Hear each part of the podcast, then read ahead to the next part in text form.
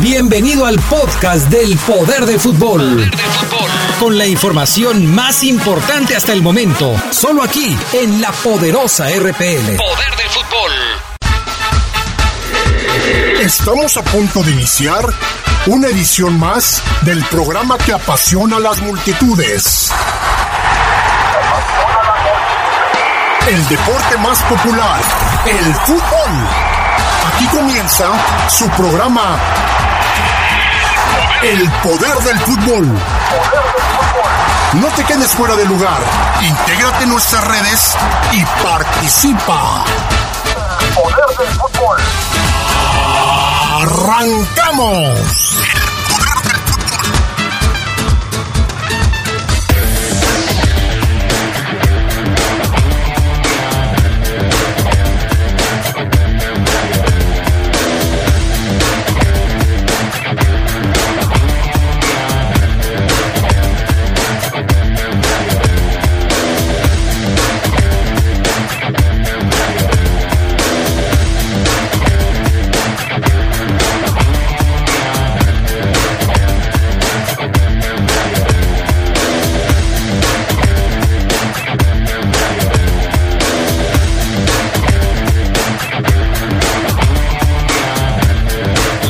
Encabeza la liga en México después de su victoria frente a Monarcas. Tendremos detalles del partido, las entrevistas, los comentarios y por supuesto el análisis del juego de la Fiera.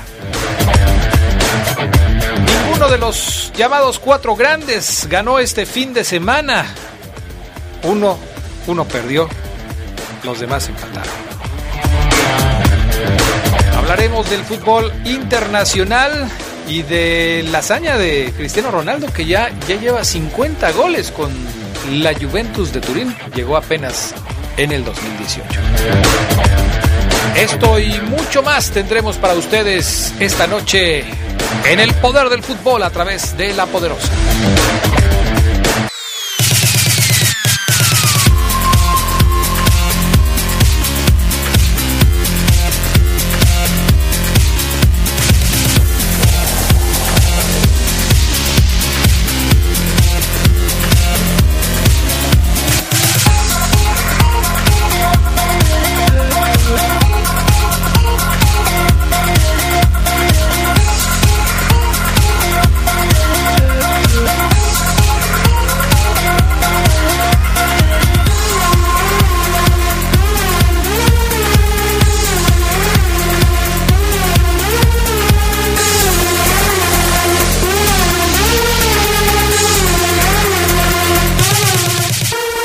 ¿Qué tal amigos? ¿Cómo están ustedes? Muy buenas noches, bienvenidos al Poder del Fútbol a través de la poderosa RPL. Qué gusto saludarles en este día, día feriado, día eh, de asueto para, para muchos.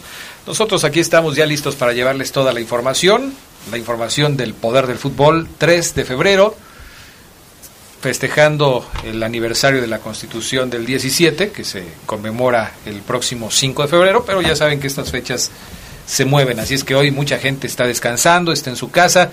Y qué bueno que están en su casa porque el clima está espantoso, ¿eh? espantoso, eh, lloviendo, con frío. Eh, yo llegué a saludar a Brian Martínez allá abajo, calientito. Aquí adentro, bueno, allá abajo está calientito, acá arriba no. Acá no, entonces, pobre sabanero, porque sí le está sufriendo con el frío, ya se nos enfermó otra vez. Entonces, bueno, ahí está. Saludo como siempre a mis compañeros, ya listos aquí en el programa. ¿Cómo estás, Uribe Maciel? Muy, muy buenas noches. Buenas noches, Adrián, Gerardo, Sabanero. Frías noches, pero muy agradable estar Sí. hablando de fútbol, que es lo que calienta el, el ambiente. No, y calienta, ¿No? Lo, y calienta lo que me dices antes de Ahorita- empezar el programa. O sea, no, no puede ser posible. o sea, Era, ya- para ver, era para ver si estabas atento. no, no puede ser. O sea, ya Oribe Maciel ya inauguró los nuevos cuatro grandes del fútbol mexicano, ¿no? Es increíble, pero bueno, ahora lo platicamos. Gerardo Lugo Castillo, ¿cómo estás? Muy buenas noches. Adrián Castejón Castro, profe, estimado Sabanerín, buenas noches a la buena gente del, del Poder del Fútbol. Eh, hay que hablarle a todos los periódicos, a todas las televisoras, porque es, es declaración fuerte la que hace el profesor Rodríguez. Sí, ya, ya le dije, ya le sugerí que para su próxima columna este, El 2020. ponga los nuevos Nacen los cuatro grandes. los nuevos grandes del fútbol mexicano. grandes. porque está, está para platicar. Y no está León. Y no está León. Y no está León. Y no está el León dentro de los nuevos grandes del fútbol mexicano, de acuerdo a la perspectiva de Oribe Maciel. Bueno, vámonos con, con esto que les decíamos. Cristiano Ronaldo ha sido un hombre de récords, ha sido un jugador que eh, a lo largo de su carrera ha roto varias marcas y pese a que muchos no lo veían, no le veían demasiado futuro en Italia debido a la edad con la que aterrizó en la Juve, el impacto de Cristiano Ronaldo en el equipo y en toda la Serie A es indudable. Después de dejar su huella en el Manchester United y convertirse en el máximo goleador de la historia del Real Madrid con una espectacular media de más de un tanto por partido, un promedio de más de un tanto por partido, 450 goles en 438 choques vestido de blanco, el atacante luso ha alcanzado un nuevo hito en el país de la bota. Y es que, según se recoge en la prensa de aquel país, el internacional portugués de 34 años sumó en el choque ante la Fiorentina su gol número 50 Pese a que sus estadísticas no son rutilantes como cuando vestía de blanco, ha necesitado 70 partidos con la elástica bianconera para poder lograr el medio centenar de tantos, no cabe duda que son registros que hay que tener muy en cuenta. Consolidado en el primer puesto de la Serie A y con el reto de asaltar la Liga de Campeones, no cabe duda que el buen rendimiento que ofrezca el futbolista de Madeira, Portugal, dependerá en gran medida la consecución de los objetivos marcados al comienzo de esta temporada. Autor de 10 tantos en los seis últimos partidos disputados, la racha se extiende hasta los 16, tomando como referencia a los últimos 12 encuentros. De hecho, de esta última docena de partidos, tan solo se ha quedado sin ver puerta en uno. Fue en la Supercopa de Italia disputada frente al Lazio el 22 de diciembre. No cabe duda que el atacante vive un momento tremendamente dulce de cara a la portería rival. Cristiano Ronaldo, que tiene ya sus años, 34, sigue siendo un jugador que por supuesto llama la atención. Muchas veces aquí en el, en el programa hemos hablado de cuándo vendrá el final, el adiós para Cristiano Ronaldo, 34 años de edad, sigue siendo un goleador nato pero también es un gran profesional, ¿no? Es un, es un tipo que se cuida, que entrena mucho, que, que, permanece siempre con una figura impecable, producto de los entrenamientos que realiza. Y la pregunta es, ¿hasta cuándo tendremos a Cristiano Ronaldo como la gran figura que es hoy? ¿Tú cómo lo ves, eh, Mira, yo creo que eh, Cristiano Ronaldo ha marcado una pauta interesante dentro de lo que es el deporte moderno. Él como todos sabemos, le ha invertido mucho en su cuidado personal, su personal training, su nutriólogo, su preparador físico. Este, todo en pos de alargar el, rendimiento, el alto rendimiento que tiene hasta este momento. Un jugador de 34 años en la forma física que está Cristiano Ronaldo no es fácil de encontrar. Generalmente la, la curva descendente de un deportista en todos los deportes ¿eh? empieza este, pasando los 30. Ahí este, increíblemente el atleta madura psicológicamente este, sabe todo de, su deporte, se, está, está especializado en, en, la economía del esfuerzo de su deporte, pero lamentablemente, como alguien dijo, este, en mi mejor momento psicológico para afrontar una competencia me tengo que retirar porque las piernas no me responden. Más que nada la velocidad. La velocidad es lo que este, quita, eh, va este, dejando atrás a los grandes jugadores veteranos. Ahora, independientemente de, de, su profesionalismo, de, de, cómo trabaja, de cómo se prepara, de cómo se cuida, hay que decir que también es un superdotado. O sea, me parece que sus condiciones físicas natas, Gerardo Lugo, le han permitido mantenerse entre los deportistas eh, más destacados de los últimos años. A veces no es fácil, tienes, tienes que combinar las dos cosas. No hemos visto grandes lesiones de Cristiano Ronaldo, no leemos frecuentemente que Cristiano se pierda un partido porque está lastimado, no leemos que Cristiano Ronaldo eh, se pierda una final porque le dio gripa. Eh, es, es además de todo un, un personaje que pues goza de, del beneficio de estar muy bien físicamente por cuestiones seguramente genéticas, ¿no? Sí, todavía vemos jugadas que, que pareciera él es el novato, enfrentando a jugadores yo creo que 10 años menor que él y todavía físicamente hablando lo vemos muy muy superior, ¿no? Eh, no más para, para comparar la magnitud de lo que estamos hablando, bueno, aquí al segundo mejor anotador de León ya no se le quiso renovar un contrato a esa edad. Así es. Y, él, y, lo que hace eh, Cristiano Ronaldo es, aunque para muchos no es santo de nuestra devoción, pero lógicamente yo creo que la clave está en ese cuidado que ha tenido para, para su carrera. Incluso en la cuestión, incluso extra cancha, pues tampoco hemos visto en él eh, escándalos, situaciones, hemos visto más fotos familiares, más fotos que, que hacen que, que, uno esté convencido de que el cuidado que él tiene de su carrera y de su persona, pues es, es clave para esta para tener ese ese, ese récord que, que, está rompiendo, ¿no? Sí, así es. Bueno, pues ese es Cristiano Ronaldo, un hombre que seguramente seguirá dando de qué hablar. La Juve lo llevó para tratar de ganar la Champions. Es, me parece que es evidente, ¿no? Y se ha cansado de ganar la, la liga eh, italiana, la Juventus no sé en cuántas ocasiones, la Copa. Ellos quieren ganar la Champions y para eso contrataron a un jugador especialista en ganar la Champions, que es Cristiano Ronaldo. En la primera no se pudo, vamos a ver si en esta nueva oportunidad las cosas cambian y la Juventus puede contar con un eh, Cristiano Ronaldo más enchufado y pueden llegar a, a, levantar la copa, aunque también hay que decir que no todo depende de Cristiano Ronaldo, ¿no?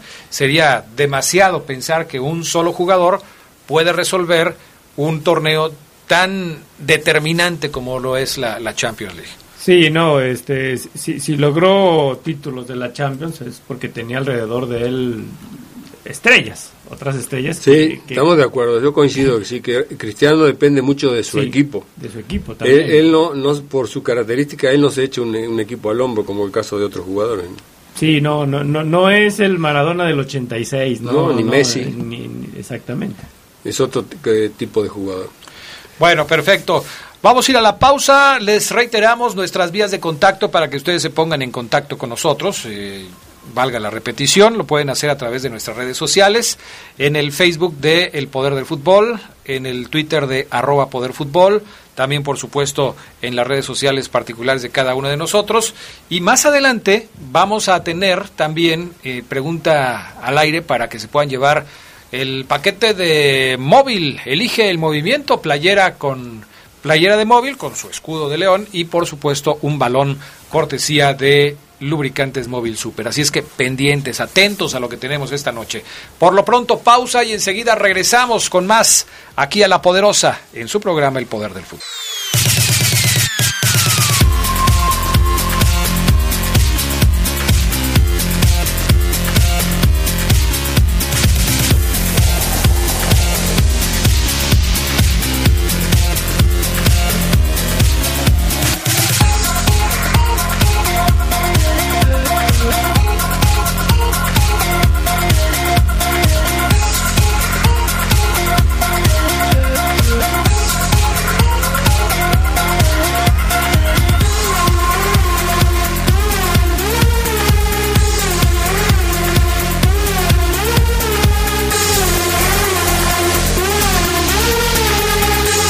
Estamos de regreso con más del poder del fútbol. Bueno, pues eh, checando aquí las novedades. Eh, ah, antes de, de, lo de las novedades, recordarles a ustedes que tenemos también nuestro WhatsApp ya eh, habilitado para que se pongan en contacto con nosotros también a través de esta vía. 477-773-3620. Ahí está el WhatsApp de La Poderosa para que estén en contacto también con nosotros por esta vía. Bueno, eh, jornada número 4 de la liga. Me gustaría arrancar al revés. Eh, siempre vamos analizando partido por partido, pero hoy me gustaría arrancar al revés, platicando con ustedes eh, lo que se considera lo más destacado. por ejemplo, el hecho de, del once ideal que da a conocer la liga porque hay muchos once ideales. Yo si le pregunto a Oribe Maciel que me dé un once ideal del fin de semana, me dará seguramente los que bajo su punto de vista son los once mejores. Lugo hará lo mismo, yo tendré mi opinión y cada uno de los que nos están escuchando seguramente tienen la suya. Aquí el asunto es que tomamos como referencia el once ideal de la liga para hacerlo así, como una referencia, y de ahí vamos, vamos descartando cuestiones, ¿no? Eh, en el once ideal de esta semana eh, aparecen mm, varios jugadores que a juicio de ellos lograron hacer muy bien las cosas, pero me llama la atención que de León solamente hubo uno, un solo jugador estuvo en el once ideal, Ángel Mena. Fue el único del conjunto Esmeralda. Por ejemplo, de en la portería el eh, elegido como el mejor no me digas Corona no no, no. Creo que eh, ni en la que hizo la ni en el once ideal que hizo la oficina de prensa de Cruz Azul aparece Corona. Yo creo que no. bueno ni el que hizo la familia Corona este aparece Corona. No se equivocó ni Corona. Ni, Corona. Ni Corona se tiene a él mismo. Está Gil Alcalá, el portero de Querétaro, que tuvo dos buenas intervenciones en el partido ante Monterrey. Una de ellas fue espectacular. Gil, eh, pues ayudó a su equipo a que apareciera como eh, protagonista este fin de semana porque tiene la misma cantidad de puntos que León, aunque una mejor diferencia de la fiera la tiene en el primer sitio. Yo le decía a Gerardo Lugo en la tarde a través de Twitter que a mí me parece que Cota hizo merecimientos como para poder estar en el 11 ideal de la jornada, porque, pues, si nos vamos a atener a los criterios que generalmente maneja la liga, su equipo ganó, igual que Querétaro, ganó de visitante, igual que Querétaro, eh, fue considerado por la liga como fue considerado como el mejor del partido durante el encuentro entre León y Morelia, pero hay un pero. Eh, bueno, pero que Querétaro le ganó al campeón. Antes de que llegues al pero, este dicen aquí que tuvo dos increíbles intervenciones en el partido contra Monterrey. Yo a Cota le conté como tres o cuatro, ¿eh? Sí, sí, pero yo creo que la diferencia está verle el partido. O sea, viste más ganarle al campeón y a Morelia. No, es que es que ya Oribe ya se está enganchando con esto de los cuatro Es que me senté, me senté en la silla del Fafo Luna. Ya, yo le dije, yo le dije. Oribe ya está agarrando. Pero es cierto o no. Ya pienso que, que viste más ganarle al campeón que ganarle a Morelia. Ese es el criterio entonces, ganarle al campeón. Habría que preguntarle a la liga, pero yo creo que un, sí. Un, un campeón que, que igual que Morelia no ha carburado, ¿no? Bueno, sí, empezaron mal, o sea, tienen un punto, ¿no? Sí. Cada uno. Van mal. Van, mal. Pero bueno, entonces ese es el criterio. Ahí está, entonces le ganaron a, dos equipos que tienen un punto. Pues sí. creo que el criterio fue que, que Monterrey es el campeón. Suena, Ahora, suena lógico. Quizá, lo que quizá en el descargo de Cota es de que gracias a sus, a sus intervenciones el León es super líder. Eh, o líder general. O sea, yo, yo, creo que también eso tendrían que... Debería ayudarlo. Balanza, ¿no? Debería ayudarlo, pero bueno. Así es. Ok, para ti, ¿cuál, ¿a quién hubieras puesto tú en el once ideal Yo, de, de, de, los porteros? A, de los Cota. porteros? a Cota. Sí, me gustó, me gustó más Cota que, bueno, que Alcalá. Entonces no andamos tan, no andamos tan, tan, este, tan, tan perdidos, ¿no? O sea, mm. Creo que coincidimos aquí. Y luego nos van a decir que porque trabajamos aquí en León y que León y todo. No, pero digo. No, pues es la realidad. Es, es lo que sucedió. Es, la, ¿no? lo, es lo que, se vio en la cancha. Es lo que vimos. Entonces, bueno, de alguna manera coincidimos en este en este tema. Luego viene el asunto de, de, de, los defensas. Lateral derecho, Matías Catalán, del Atlético San Luis. Está como central Hugo Nervo, del Atlas, que ganó con... Eh, pues iba a decir que con nuevo, nuevo técnico, según el punto de vista de Lugo, sí, ¿no? Sí. Porque ya está, ya había sido nombrado Rafa Puente Jr., pero pero no metió las manos no, pues yo, yo, digo fue, que no, fue pero... Flores el que dirigió el partido bueno ya ya está ya está los atlistas se dicen que si ganaron los jefes de Kansas City después de 50 años con Rafa Puente ya Jr. les toca. y ya les toca al Atlas ya les toca al Atlas sí. no pero ni siquiera bueno no estuvo ni en la banca no Ya, nada no, no, nada. no. Rafa Puente Jr. nada lo siento Lugo pero creo que ahora sí exageraste Johan Vázquez de Pumas también fue por el gol que hizo central. no seguramente sí. sí se ha adaptado rápidamente a este equipo universitario. Como lateral izquierdo está Miguel Tapias, del Pachuca, joven. Que, que, le ganó a uno de los grandes según el profe. Le, ganó, le ganaron, sí. El Pachuca a los Tigres, ¿no? Sí. Ay, ay, Oribe, qué barbaridad. Volante por derecha, Leonardo Fernández, del Toluca. Este sí me gustó a mí, fíjate. Aquí estuvimos transmitiendo el partido de, Leo Fernández de Toluca contra Cruz Azul y me parece que fue un jugador determinante en el partido de ayer. Y es jugador de Tigre, lo peor sí, para Toluca que es jugador de Tigre. Y sin derecho... Pero a no le gusta ese tipo de jugadores, ¿eh? eh pues no, puede ser que, que, Por eso no lo quiso el Tuca, porque le cuesta mucho trabajo... Se sale de, la, de las su esquema, sí. Exactamente. O sea, jugador este encarador, o sea, jugador así no, no, no, es, no es el perfil que le gusta el Tuca. Y según sé, eh, Leo Fernández fue prestado a Toluca por un año sin opción a compra. Sin opción a Para mí fue jugador de la jornada. ¿eh? Es muy Para buen mí. Es muy buen jugador. La verdad es que lo hizo muy bien. Contención, Marcel Ruiz del equipo de Querétaro. También por el gol. De, hecho, también para, para la liga fue el jugador de la jornada. Leo. sí. Claro. ¿Y aquí cuál, cuál Leo? En, el partido anterior que lo sacó el Chepo, ¿te acuerdas que declaró que lo había sacado y se le vino el equipo abajo? la prensa ahí en contra. Sí, le está dando, le está dando este en la torre su, su forma de, ver el, fútbol de este Leo Fernández al, Chepo.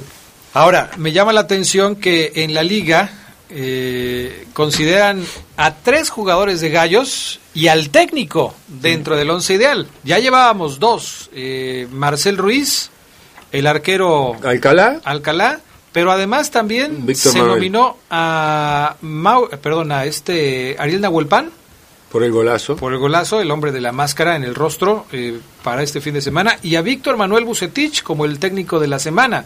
Es decir, cuatro elementos del equipo de Querétaro en el once ideal. Después de ver esto, le compro a Oribe Maciel. Yo creo que el, el mejor técnico creo que fue Caballero por haberle ganado al América. Independientemente que jugó con un jugador de más, sí le planteó muy bien. Lo hizo ver mal al América. Creo que estratégicamente Caballero se llevó la jornada. Bucetit, digo, pues no se salió de lo que es su estrategia, ¿no? Y aparte ya conociendo los puntos flacos del Monterrey. Pero como lo dijiste hace un rato, le ganó al campeón. Le ganó al campeón y Caballero le ganó al otro grande, que es al América, o sea ¿no? Sí, sí fue una... ¿Ya cuántos grandes llevamos? No, no, hay cuatro. ya no ya no cuatro hay cuatro y después abajo en un escalón hay otros cuatro. Hay dioses y semidioses. que están en el relevo, o sea, eso se va a ir modificando y se tiene que ir modificando. Trae ¿no? una... No, hombre, qué barbaridad. Pero bueno. Lo que sí me gustó de este once ideal de la liga fue que ahora sí se, se hizo un esquema lógico, ¿no? De 4-3-3. Bueno. como, como, que a veces pone dos defensas bueno, pues lo, aplica también la UEFA, ¿no? La otra vez también metieron cuatro delanteros para meter a Cristiano, o sea, aquí también se vale ajustar. Bueno, pero la UEFA. La estrategia. Comparas a la UEFA con la Liga MX, Oribe, por favor. Pues, casi pues está globalizado el fútbol. ¿no? Lo pone, ¿no? El, el, sistema. Caramba. Bueno, pues ahí está el once ideal. No quisimos eh, dejar pasar la oportunidad de comentarlo. Destacar lo de Ángel Mena, que me parece que, que hay que resaltarlo. Eh, el tipo pues parece levantar la mano ante la ausencia de JJ Macías. Muchos, muchos nos preguntábamos quién va a ser el goleador de León ahora que no está JJ Macías. Y pues resulta que, que Mena lo ha hecho muy bien. Cinco goles en cuatro partidos. Se ha echado. Y le dejó tirar un penal a Ramos. ¿eh? Y lo dejó tirar un penal a Ramos. Porque, eh, pues Ramos, que se suponía que podría ser el relevo de Macías en el hecho, perdón, en el tema de la de la anotación de goles, pues no más no, Sosa tampoco ha aparecido, el que ha levantado la mano es, sin lugar a dudas, Ángel Mena, que lleva muy buena marcha en estos primeros cuatro partidos, cinco goles ya, cinco goles que hablan de que el, el, el futbolista ecuatoriano pues por lo menos va a meterse otra vez ahí en la, en la, pelea por el título de goleo, ¿no? Y también el, el, hecho de que León sigue siendo un equipo muy productivo a la ofensiva, la mejor ofensiva del torneo es la de León, eh, ya platicaremos un poco más adelante del partido contra Monarcas, de los detalles y por supuesto de lo que nos deja el resultado que se consiguió este fin de semana allá en la cancha del Morelos. Vamos a la pausa y enseguida regresamos con más. Sigan comunicándose a nuestro WhatsApp. Aquí tenemos ya algunos mensajes de la gente que se está poniendo en contacto con nosotros. Eh, los vamos a comentar, por supuesto, un poco más adelante. 477-773-3620. El poder del fútbol a través de la poderosa.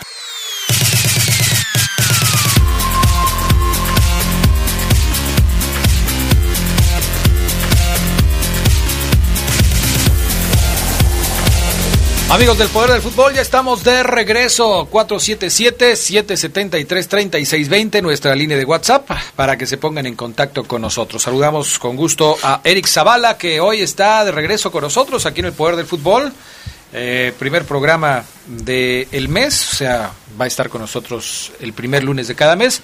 Eric Zavala, ¿cómo estás? Muy buenas noches. ¿Cuál es el tema de hoy? ¿Cómo estás? Excelente. Estamos este, listos para estar de nuevo aquí con la gente del Poder del Fútbol. Un gusto saludarles.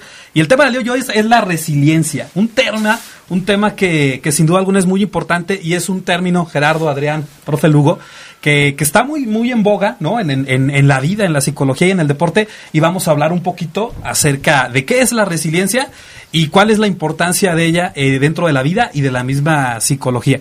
Y bueno, pues permíteme, Adrián, como siempre, cada que iniciamos el poder del fútbol aquí con amigos de La Poderosa, siempre decimos, cuesta, cuesta la festa di tutti, di Becky, di Giovanni, di Ricky e di Poveri. Y siamo, siamo qui per viverla. Y vamos a empezar, si les parece, con el tema, profe, la resiliencia. Fíjense que este. Niente, niente. Bueno, va a decir como, como Fabián el otro día que pensaba que era otro en doble sentido, pero no, para nada, ¿eh? Ok. ok. Fíjense que ese término de resiliencia, a propósito, ahorita que estábamos hablando de los éxitos que ha tenido la, la Juventus y Cristiano Ronaldo, ese término viene precisamente de un término en, en latín que quiere decir resilire que quiere decir rebotar, ¿no? De hecho, el, el término de la palabra salire en el italiano actual, por ejemplo, quiere decir subir subir. Es algo que, por ejemplo, se confunde mucho cuando estamos este, aprendiendo este idioma del italiano, porque salire, pues nosotros pensamos que es salir, ¿no? Pero, pero, en, pero en italiano el verbo es uscire, para salir, y salire significa subir. De tal manera que risalire quiere decir volver a subir. La resiliencia entonces, amigos, significa la capacidad que tienen las personas para resurgir, para rebotar, para volver a intentar las cosas y no quedarse, no quedarse a lo mejor eh, en un fracaso. Ese es el término eh, de lo que quiere decir resiliencia. Eh, y bueno, inclusive ahorita hablábamos del tema de la Juventus. Me parece que si ustedes, amigos, buscan allí en internet, van a encontrar que en la Gaceta de los Sport, en tutosport.it, el, el, verbo más, más utilizado en la Juventus es risalir. Es decir, la Juventus siempre vuelve a ganar, vuelve a subir, vuelve a estar arriba de la tabla, como bien decían. y bueno, ese, es lo que significa el término resiliencia. Ahora, la resiliencia no es algo con lo que las personas eh, nazcamos, ¿no? Acuérdense de algo muy importante, amigos, que yo les he comentado aquí. La personalidad se entrena, profe. ¿Estamos de acuerdo? La personalidad se entrena. Es decir, que todo esto que estamos nosotros hablando aquí, amigos, eh, esto es para que precisamente lo podamos poner de manifiesto y lo podamos aprender, Gerardo. De tal manera que una persona puede ser resiliente o no, pero por ejemplo puede llegar un psicólogo deportivo a trabajar con un equipo y puede hacer que el equipo sea más resiliente y gane este tipo de aptitudes y de competencias. Entonces no es algo con lo que se nazca o con lo que ya estemos predeterminados. Eh, ahora, eh, tenemos muchos ejemplos de resiliencia dentro del deporte, pero antes, antes de, darlos, me gustaría hablar de ocho características de quiénes son personas resilientes. Les voy a dar ocho características eh, que definen a las personas resilientes. Número uno es, las personas eh, resilientes, como primer característica, es que son capaces de detectar las causas de los problemas. Esto es, no ponen pretextos, ¿no? El primer, el primer paso que tenemos que hacer para superar una adversidad es reconocer en qué fallamos y trabajar en ella, ¿no? si como entrenador yo digo, ¿sabes qué? Yo, pues yo perdí por el arbitraje o me pitaron muy mal, este, pues estoy no siendo resiliente, porque con base en eso nunca podré mejorar. Obviamente a lo mejor eh, a veces puede influir, pero nosotros no, no debemos de perder de vista cuáles son los errores que el equipo, por ejemplo, ha cometido. La segunda característica de una persona resiliente es que sabe manejar sus emociones, profe. ¿Eso qué significa? Pues que la persona utiliza sus pensamientos a favor. Todos hemos escuchado la frase pienso, luego existo, ¿verdad? Pero eh, en resiliencia en psicología se habla de pienso, luego siento. Es decir, nosotros podemos manejar los pensamientos. Los pensamientos pueden ser algo muy positivo para nosotros o algo muy destructivo, ¿no? Entonces, si alimento mi, mi, mente de pensamientos negativos, destructivos, lo más seguro es que mi devenir también así sea. Pero las personas resilientes saben manejar sus emociones, saben pensar en cosas positivas, no quedarse estancado en problemas y superarlos. Esa es una segunda característica. Como tercera característica, las personas resilientes mantienen la calma en situaciones de mucha presión. Que yo creo que es algo que, que, que en ocasiones a veces eh, se ve como un defecto dentro del fútbol, por ejemplo, Gerardo, no sé, no sé qué piensen ustedes. A veces cuando vemos un entrenador decimos, no, es que es muy pecho frío, ¿no? O es un entrenador muy tibio, ¿no? Bueno, pero es que una característica de la persona resiliente es que sabe mantener la calma en situaciones de demasiado estrés o dolorosas o muy preocupantes. Un líder, por ejemplo, es aquel resiliente, es aquel que te puede dar calma aún en la peor situación de crisis. Pero si tu entrenador ves que se acaba el partido y es el primero en buscar a los árbitros y en declarar y muchas cosas que, hemos visto, pues obviamente el jugador, obviamente emocionalmente, no gana con ese tipo de actitudes. Otra característica de, de, las personas resilientes es que son realistas, ¿no? O sea, eh, no, no podemos ver más allá de lo que tenemos eh, de manera tangible. No podemos pensar en situaciones que quizá puedan suceder, o quizás no. Es algo que en psicología se llama pensamiento contrafactual. Eh, ¿Qué pasa si, eh, si es la jornada 17? ¿Qué pasa si yo como equipo eh, le, gano a mi siguiente rival? ¿Tengo que esperar a que, a que el rival gane también y el que fulanito pierda? No, no hay que pensar en posibilidades, simplemente hay que actuar en lo que tenemos nosotros a nuestro alcance. Otra característica, la número 6, muy importante, es que las personas resilientes son empáticas. Eso es algo súper importante, ¿verdad? ¿Por qué? Porque la empatía es una virtud desde el punto de vista psicológico que nos va a generar muchas puertas al momento de eh, realizar nuestro trabajo. El, el empático gana más que a lo mejor la persona que es muy dura, que es muy autoritaria, que no se abre a la experiencia. Entonces, es una característica también fundamental. Como penúltima característica, tenemos que las personas resilientes son capaces de automotivarse. Es decir, no necesitan que alguien más venga y los motive, sino que ellos, ellos mismos pueden salir adelante y pueden, pueden ellos motivarse para después contagiar a los demás. Y como octava característica es que no se preguntan el por qué, sino el cómo, ¿no? O sea, no, no, mucha gente quizá se queda, se queda en, híjole, ¿por qué me pasa esto a mí, no? ¿Por qué a lo mejor me quedo sin trabajo? Eh, ¿Por qué siempre tengo mala suerte? ¿Por qué a mí no? ¿no? Y, una persona resiliente más bien es cómo, cómo voy a salir de esta situación. Y, hemos visto mucha gente que, no le importa el, el, por qué, sino el cómo, en una estrategia para poder solucionar determinado problema. Entonces, eh, estas son ocho características de las personas resilientes y en términos eh, muy, muy básicos, la resiliencia es la capacidad que tenemos las personas para, en una situación donde hemos caído en, en, en una desgracia, poder salir adelante y no quedarnos, no quedarnos con un discurso de depresión o, de tristeza. Ahora, esto aplicado al deporte, nos has dado algunos ejemplos de cómo es que finalmente se puede trabajar, como un técnico que tiene la, eh, responsabilidad de dirigir a un grupo de futbolistas, tiene que eh, implementar estrategias para poder sacarlos adelante y esta característica es, es muy, muy básica, muy fundamental.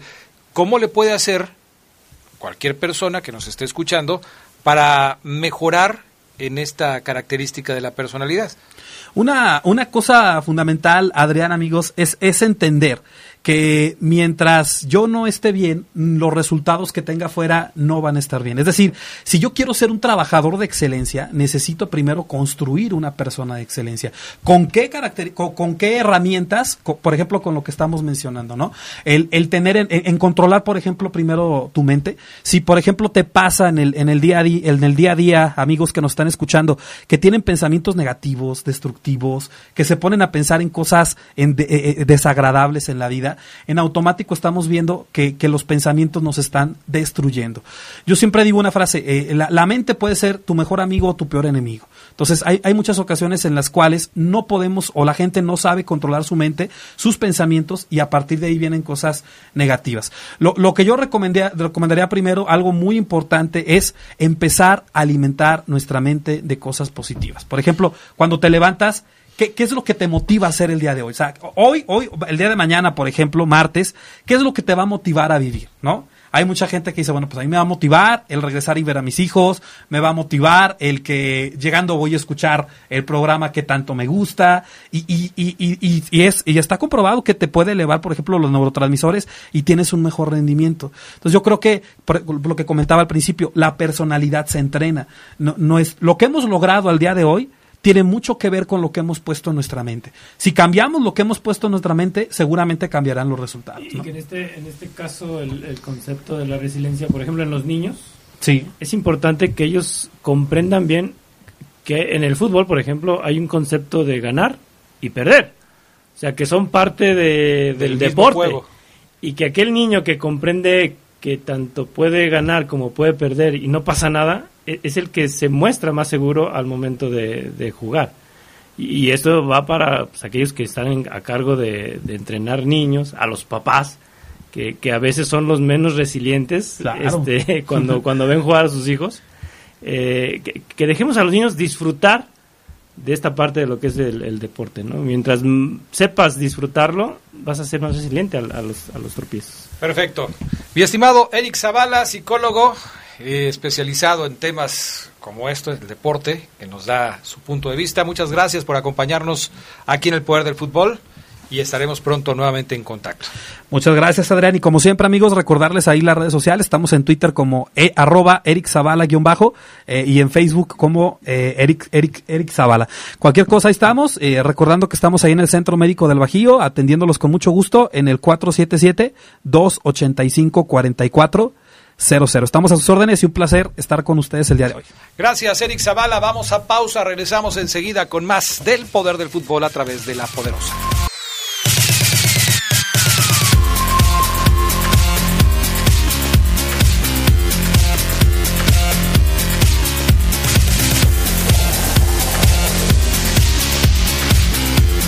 Bueno, ya estamos de regreso. Ya tenemos aquí algunos mensajes de, de la gente que nos hace favor de, acompañarnos, eh, de darnos sus puntos de vista y también de expresar aquí algunas, algunas cuestiones. Por ejemplo, nos escribe terminación 5865. Buenas noches. ¿Por qué León pierde al último? Bueno, ayer, ayer no perdió. No sé si se refiere a cuando termine el torneo, ahí las cosas cambian para León a lo mejor a eso se refiere, ya lo platicaremos.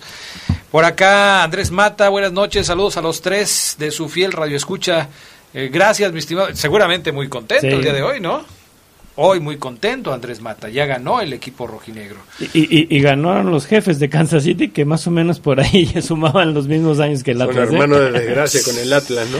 Hay esperanzas, mi estimado Zorro. Saludos a los tres en cabina, en especial a Oribe Maciel. Te manda a saludar el ex curtidor Tito Márquez. Ah, un abrazo, Tito. Te manda a saludar. Saludos. Por acá me dicen buenas noches, Adrián, a todos los integrantes del Poder del Fútbol. Saludos desde San José del Potrero. Arriba la fiera, nos están diciendo por acá.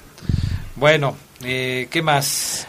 Y un saludo muy especial a, a Carol, mi hija. Hoy okay. cumple 16 años. ¿En serio? Hoy sí. Hombre, pues no, felicidades ya, a Carol. Ya. 16 años 16 ya. años ya. Caramba, qué barbaridad. Ella, muy bien, tú te estás haciendo viejito. Yo Gerardo. estoy igualito. se envejecen los chavos. Sí, se envejecen los chavos, sí. sí. Ajá, sí, cómo no. A Bernardo Fonseca, que nos está escuchando, también le mandamos un saludo. Nos preguntaba en la tarde si íbamos a estar aquí. Con mucho gusto, aquí estamos. Eh, un saludo para, para él y para toda la gente. Allá en Estados Unidos, como siempre, nos escuchan. Ahí está Jorge Padilla siguiendo el programa. Saludos. ¿Se habrá llegado el oriundo de, de, Wisconsin? que tuvo el otro ¿Ya día? se fue? Ya, ¿Ya se fue? Ya se fue. ¿Se ¿Estará escuchando o qué? No sé si nos está escuchando ahorita, este, pero ya se fue y ya se resurtió con todas las fotografías para Sí, su álbum ya. para poder tener la apropiada de acuerdo al momento que se tome. ¿eh? Hablábamos en la tarde de, de la expulsión de Pedro Aquino, ya me manda la foto con, Pedro, Aquino. Pedro Aquino. ¿Anotó Ángel Mena? foto con Foto con El debut de Nico Sosa también la tiene. También, También, sí, todo, ¿no? todo lo Eh, tiene el eh, buen este Adrián, déjame mandar un saludo a Ulises Martínez, Claro. el, el Pavarotti del Cuecillo, un gran amigo. Canta muy bonito, el hijo de Rey Martínez. ajá, este patrocinador y promotor de fútbol de San Francisco del Cuecillo. ok, Ahí jugaban en el Sausalito En el Sausalito. en los años 70 y 80. Un gran abrazo Ulises y a ver cuándo nos este, echas un, una cantada acá para que vean que cantás mejor que Pavarotti. Bueno, eso ya, ya son palabras Sí, ya mayores, ¿eh? Pero bueno, Sí, en serio. ¿Es en serio? Pero ¿qué, qué, qué, cuál es su Canta género? clásico, tipo así como Andrea ¿Tenor? Bocelli. ¿Lo has escuchado a Bocelli? ¿Tenor? ¿Es tenor? Sí, sí, sí. Ah, está bien. Perfecto. Muy bien. Bueno, pues ahí están los mensajes de la gente que hasta el momento se ha comunicado con nosotros. Les invitamos a que también participen en eh, el tema que, que, pues, vamos a desarrollar ahora, ¿no? Que tiene que ver lógicamente con el asunto del conjunto Esmeralda, triunfo de los verdes. Hoy por la tarde algunos aficionados eh, me, decían, a mí en lo particular, en la cuenta de Twitter, que cuando el León no defendía los resultados, yo lo criticaba porque no defendía los resultados para poder sacar el, el partido. Y que ahora que Nacho Ambriz se decidió a defender un resultado, eh, yo de todos modos lo critico. Me parece que son circunstancias diferentes.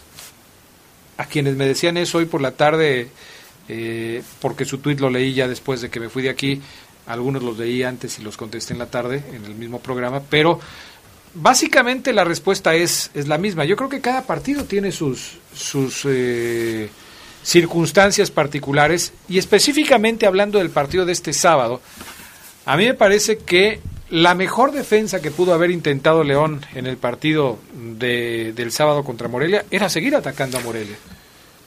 León renunció a atacar a Morelia y provocó con esa forma de jugar que los michoacanos se le fueran encima, poniendo en riesgo el resultado que ya habían conseguido. Cota terminó siendo figura del conjunto Esmeralda por la gran cantidad de llegadas que tuvo Morelia. Claro, fallaron los atacantes michoacanos, pero también en otras ocasiones Cota fue factor para evitar la caída de su marco. Y creo que en, en este sentido, si León hubiera preferido o hubiera intentado hacer las cosas de manera diferente, quizás el resultado hubiera sido un poco más, más tranquilo, un 3 a 1, eh, que, que, las cosas eh, no hubieran sido tan apremiantes para el conjunto verde el, el sábado pasado. No sé cómo lo vean ustedes. Tú, Oribe, por ejemplo, ver, ¿cómo lo ves? Este, yo tengo un punto diferente. A ver.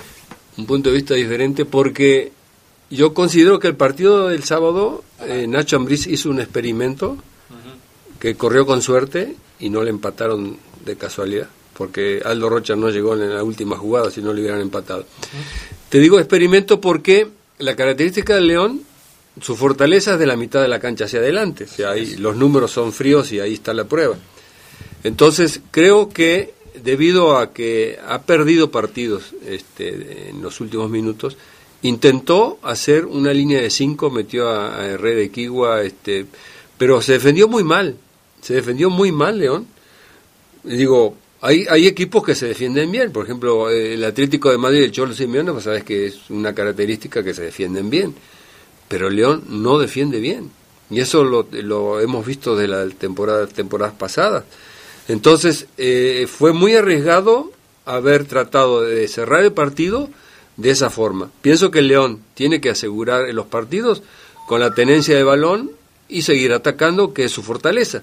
A mí no me gustó cómo cerró León. Y creo que Ambrí, si es frío y calculador, creo que fue un, un experimento de mucho de mucho riesgo, ¿no? Pero, pero entonces no no difiere no Sí. difiere tanto, profe, en lo que, no en lo que encontré dijo la diferencia. Adrián. O sea, yo también dije que Sí. no, no, no había terminado jugando bien el León, que terminó Por eso, pero yo pienso que el- fue un experimento que hizo Ambrí que o sea, no le dio resultado. Con la línea de cinco. Sí, tú, tú comentas que no ha sabido defender los resultados. Yo lo opino que los resultados León los tiene que defender atacando, no Es que, defendiendo. es que yo, siento que ahí, entonces, eh, debería de experimentar cuando va un 3-1 o, o con una ventaja más... Porque, más porque aparte, ¿no? como se paró, y, y ustedes vieron el partido, me van a dar la razón, se paró muy atrás León, Sí, los últimos 15 minutos, y no tuvo gente para jugar de contraataque. Es que- es Cuando te paras de esa manera, es porque tenés gente que te va a desdoblar a velocidad, pero Ramos no es para jugar No, de contraataque. y- y incluso- Inclusive Mena entró a caminar, Menés estaba cansado, el Chapito estaba cansado, no había gente para jugar de esa manera. Sí, no, y, y saca a Sosa. También que, no dio buen partido. y- y- pero que si de alguna manera te echas para atrás para tener alguna opción de contragolpe. Claro, que es pues, el que puede jugar de contraataque. Sí, exactamente. Exactamente. Yo, yo creo que, que Ambriz ap- apostó a, a ganar el partido con... Acomodiera el con- lugar. Con, lo que... Con lo, más bien, más bien acomodía el con lugar. lo más débil que tiene León. Claro. que es la defensa. Sí, sí, no, y mal parados, O sea, mal parados, porque y- inclusive la línea de cinco que hizo era cuando Aquino ya estaba expulsado, no había un contención. No, y, y que en momentos eh, veíamos a Herrera Equigua más adelantado, como no No, pues es que- acomodándose. es que entró perdido, Sí, parecía- exactamente, como, como no que sabía ni no dónde sabía pararse. pararse, no sabía si... Y fue muy si- peligroso porque si cada pelota que le tiraron- O al medio. Cada pelota que le tiraban al área Sí, era, era, peligro era- de era gol. de, de nervios, ¿no? Sí. Sí, fue, fue determinante la- las decisiones que tomó Nacho Ambriz. Ahora, Lo mejor fue que le pasó fue que ganó. Quizás muchos nos, nos estarán diciendo, "Oye, ¿por qué hacen tanto escándalo si. León ganó el partido? Bueno, precisamente porque me parece que se puso en riesgo el haber ganado el partido. Lo- las dos primeras modificaciones que hace Nacho Ambriz en el segundo tiempo tienen que ver con este estilo que trató de manejar ya sobre el final del partido. Y fue evidente cómo cuando saca a Sosa y mete a Osvaldo Rodríguez, empieza a modificar para tratar de amontonar gente en el medio campo y después se da el resultado que tú dices. Vemos a un Herrera Equigua perdido. ¿Qué hace con Osvaldo? Lo pone de lateral izquierdo y sube a, a Jairo. Jairo, en, Jairo. en el medio campo con el fin de tener más gente en la media cancha. Y después, minutos después, ya al 81, faltaba menos para que terminara el partido, mete a Miguel Herrera Equigua y saca a Jan Meneses para formar esa línea de cinco de la que hablas y tener todavía más gente defendiendo. Pero De ya estaba forma- expulsado Aquino, Aquí no lo expulsan en el 90. prácticamente, no, Sí, o sea, o antes, sea, ¿no? Fue o antes. En el 90. En el 90, o sea, En tiempo de conversación o sea prácticamente. que, que dijéramos, Ambriz se echó para atrás por la expulsión de Aquino, no. No, no, No, no, ya estaba echado atrás. ya estaba echado atrás. sí. Eso es, eso es lo A que ver, y otro tema que me gustaría este, tocar es la expulsión de, de, de Aquino. ¿Fue, fue, fue este, bien expulsado Aquino? Es que es una segunda amarilla, me parece que como segunda amarilla va. Pero él tiene el pie abajo. O sea, para mí fue injusto. Ahora, yo lo, lo más seguro creo que van a, van a, este, a protestar esa expulsión. Y si tomamos en cuenta que Ambriz va a seguir con, con la ley, con su reglamento interno, Con la al- ley Ambriz. Aquino lo va a dejar sentado si no lo suspenden. Pues eso es lo que se supone que haría. Bueno, Eso es ese se es un tema también haría. para, para esperar a ver qué pasa. Pienso que Aquino en este momento no lo puede sentar. Si no lo suspenden, creo que es Pero ahí baluarte de- del medio campo. Lo mismo había pasado la temporada anterior, o Con sea, y, estabas en, en, en liguilla y de todos modos, o cerca de la liguilla y de todos modos lo hizo Nacho Ambriz. O sea, es un técnico... Pero no le dio resultados. Adrián. Pues no. Hasta la directiva le O dijo, sea, oye, tenemos que hablar con Ambrí por este asunto. Nosotros entendemos que no es la mejor decisión de Ambriz, pero él eh, se aferró a esa forma de impartir justicia o de poner las cosas eh, eh, sobre sus jugadores de esa manera y me parece que no le funcionó, pero se, se lo respetaron. Ahora, habrá que ver qué pasa ahora eh, con esta situación. Yo no sé si la directiva de León lo va a protestar, no acostumbra a hacerlo. Y si pero la última pero vez sí lo protestó. hizo- o sea, eso, a, Jairo Moreno lo protestó y ganó. Precisamente por eso.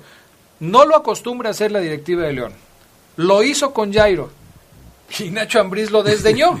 O sea, Es correcto. Y ¿cuál en es- liguilla. y en liguilla, o sea, va a decir la directiva de León, bueno, y entonces... Pero la ¿para qué expulsión de, del sábado de aquí no fue injusta. ¿eh? O sea, si vos ves la repetición, él pone el pie y el jugador de Moreira se Pero, engancha pero fíjese, solo. profe, que, que la postura de Aquino cuando le saca la, la amarilla no es así como reclamarle airadamente la- el criterio que, que utilizó el árbitro. O sea, yo, yo sí pienso que Aquino sabía que se arriesgaba a, a esa parte. Y, y- lo que a mí me llama la atención es de que era, era en, en medio campo y viendo la repetición, Aristeguieta quedaba en medio de cuatro elementos. No, pero de- era una jugada de, de riesgo. ¿eh? Sí, pero quedaba, quedaba Ya entre- como estaba León atrás, yo creo que fue un favo que valió la pena. Yo, yo creo que, que si, si es un foul, sabía que iba a ser amarilla Sí. y, y que estuvo bien, bien expulsado. O sea, ahí sí. Bueno, déjenos sus puntos de vista, qué es lo que opinan de lo que estamos platicando. Tenemos aquí algunos otros mensajes. Vamos a ir a pausa y enseguida regresamos con más del poder del fútbol a través de la poderosa. Escucharemos también, por supuesto, a Nacho Ambriz, el técnico de la Fiera, dando sus impresiones después del partido y tratando de, explicar todo esto que nosotros estamos eh, comentando ahora.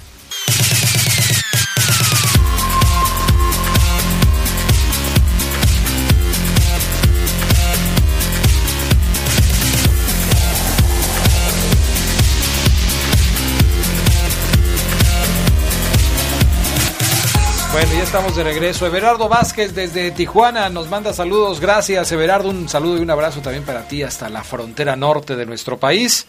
Chaparro nomás, dice Adrián, buenas noches. Quisiera pedirte saludos para Juan que los escucha hasta Chicago. 100% panza verde, fiel seguidor de la poderosa Deportes. Gracias.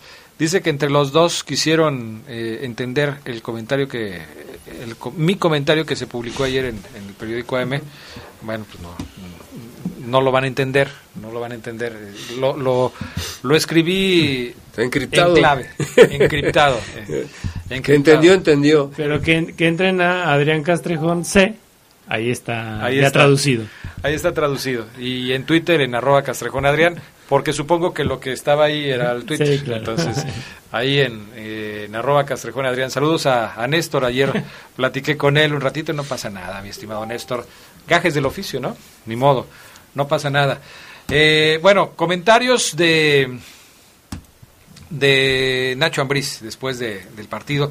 Vamos a escuchar algo de lo que dijo el técnico de la Fiera. Hay, hay algunos asuntos que a mí me llaman la atención, pero antes de comentarlos, pues hay que, hay que escuchar lo que dice Nacho, ¿no? Audio número 14, la forma de juego de, de la Fiera, mi estimado Brian Martínez. Sí, mira, hemos eh, yo lo, lo- lo quiero basar mucho en que ya llevo un año y medio trabajando con el equipo. Hay un mejor conocimiento de los jugadores. eh, muchas veces, eh, como por ahí se dice, no hasta con los ojos cerrados sabemos cómo se menean todos. Y, creo que, pero también agrego el- el compromiso que tiene el jugador, la ilusión que, ten- que tenemos de volver a hacer un muy buen torneo. ¿Para qué? Para calificar después, poder pelear por un título. Y, la otra, lo que tú bien dices, y lu- lucho mucho porque el equipo, tanto en casa como fuera de casa, sigamos jugando de la misma manera. ¿no? Hay veces que, que hoy, ante la buena presión también de Morelia, que nos fue metiendo hacia atrás y tuvimos que sufrir un poco más, pero te gusta que el equipo también sabe, sabe sobre eso, sobreponerse y me habla también de, un crecimiento de estos dos torneos anteriores que, esperemos que este año pueda ser el, el que estemos muy cerca otra vez de la final y poder levantar un título. Bueno, pues ahí está lo que dice lo que dice Nacho Ambriz. Esta esta es una respuesta de Nacho a un reportero que, que le dice que cómo le ha hecho para que el equipo se haya mantenido después de tanto tiempo eh, jugando bien al fútbol. Está jugando bien el León, obviamente hay momentos en los que podemos discrepar con, con la forma y el estilo que utiliza Nacho Ambriz. Yo, yo escribía eh, en, en un análisis que hacía para mi cuenta de Facebook que parece que Nacho Ambriz tuvo un déjà vu. O sea, de repente Nacho Ambriz jugó el sábado como acostumbraba a jugar antes, cuando se le criticaba por ser un técnico Defensivo. defensivo, que no iba al frente, que trataba de, de amarrar un resultado, que no iba a buscar un marcador más amplio. Me parece que, que Nacho Ambriz tuvo un déjà vu en ese, en ese partido. Pero, eh, pues evidentemente, cuando las cosas se te dan, pues tienes muchos argumentos para justificar lo que hiciste. Y en este caso, Nacho, pues lógicamente está eh, hablando después de que su equipo sacó un resultado que se veía complicado porque Morelia le apretó mucho y, parecía que no iba a salirse con la suya. Eh, este es el análisis del juego que hace Nacho Ambriz, audio número 12, en donde él explica cómo, cómo es que finalmente eh, observó el funcionamiento de su equipo. Se juega bien con esa presión que nos hace, así nos empata, lo sabíamos que, que nos iban a presionar, que no iban a dejarnos jugar. Y después yo creo que a través de Casta, a través de, de también en otra faceta que el equipo tiene que aprender, a saber sufrir sin la pelota, a saber de repente armar contra, bu- buenos contraataques que por ahí lo logramos. Y, te digo, creo que el, resultado por sí es justo y, me, quedo con, el, trabajo que hacen los muchachos de, saber cambiar un poco el rol de- del partido. Bueno, dos cosas con respecto a este, este audio que, que resalta mm, eh, Nacho Ambriz. Primero dice, me gusta que mi- mis jugadores eh, sepan que a veces se tiene que sufrir para sacar un resultado. Yo creo que sufrió de más. O sea, tienes los elementos para jugar de otra manera y decidiste sufrir en el partido frente a Monarcas Morelia. Él da la impresión, o por lo menos así se escucha en sus palabras, que dice que Monarcas los arrinconó, los echó hacia atrás. A mí me da la impresión de que León provoca que Monarcas se vaya hacia adelante, Bueno, pues, que cambiando el, el esquema de juego. Es que se estaba vio teniendo. que León no salía. León se quedó afuera del área grande. Por eso. Totalmente. O sea, eso lo vimos todos, pero ¿cuál es la razón? ¿Porque Morelia los echó atrás Eh, o porque ellos decidieron que así el atrás? fútbol. Cada quien ve el fútbol como diferente, Es ¿no? que aquí- Yo pienso que León se echó para atrás y, y ahí se quedó. no Nunca intentó salir ni presionar. O sea, y- Morelia no lo, no lo echó para atrás. León se echó. Por las palabras de Ambris confirma que fue una decisión De él. De él. Claro. Sí, o sea, que, que no fue que Morelia haya sido superior, sino que León le dio oportunidades de, de empatar el, el- el partido, Sí, ¿no? O lo que hablamos que a lo mejor el físico no les dio, porque se veían mal físicamente A- también. Aquí, aquí la cuestión que, que él dice de, de que el equipo debe de saber a, Sufrir. a, su- a su- sufrir, debe de saber el que, que va a sufrir. Yo, bueno, no sé.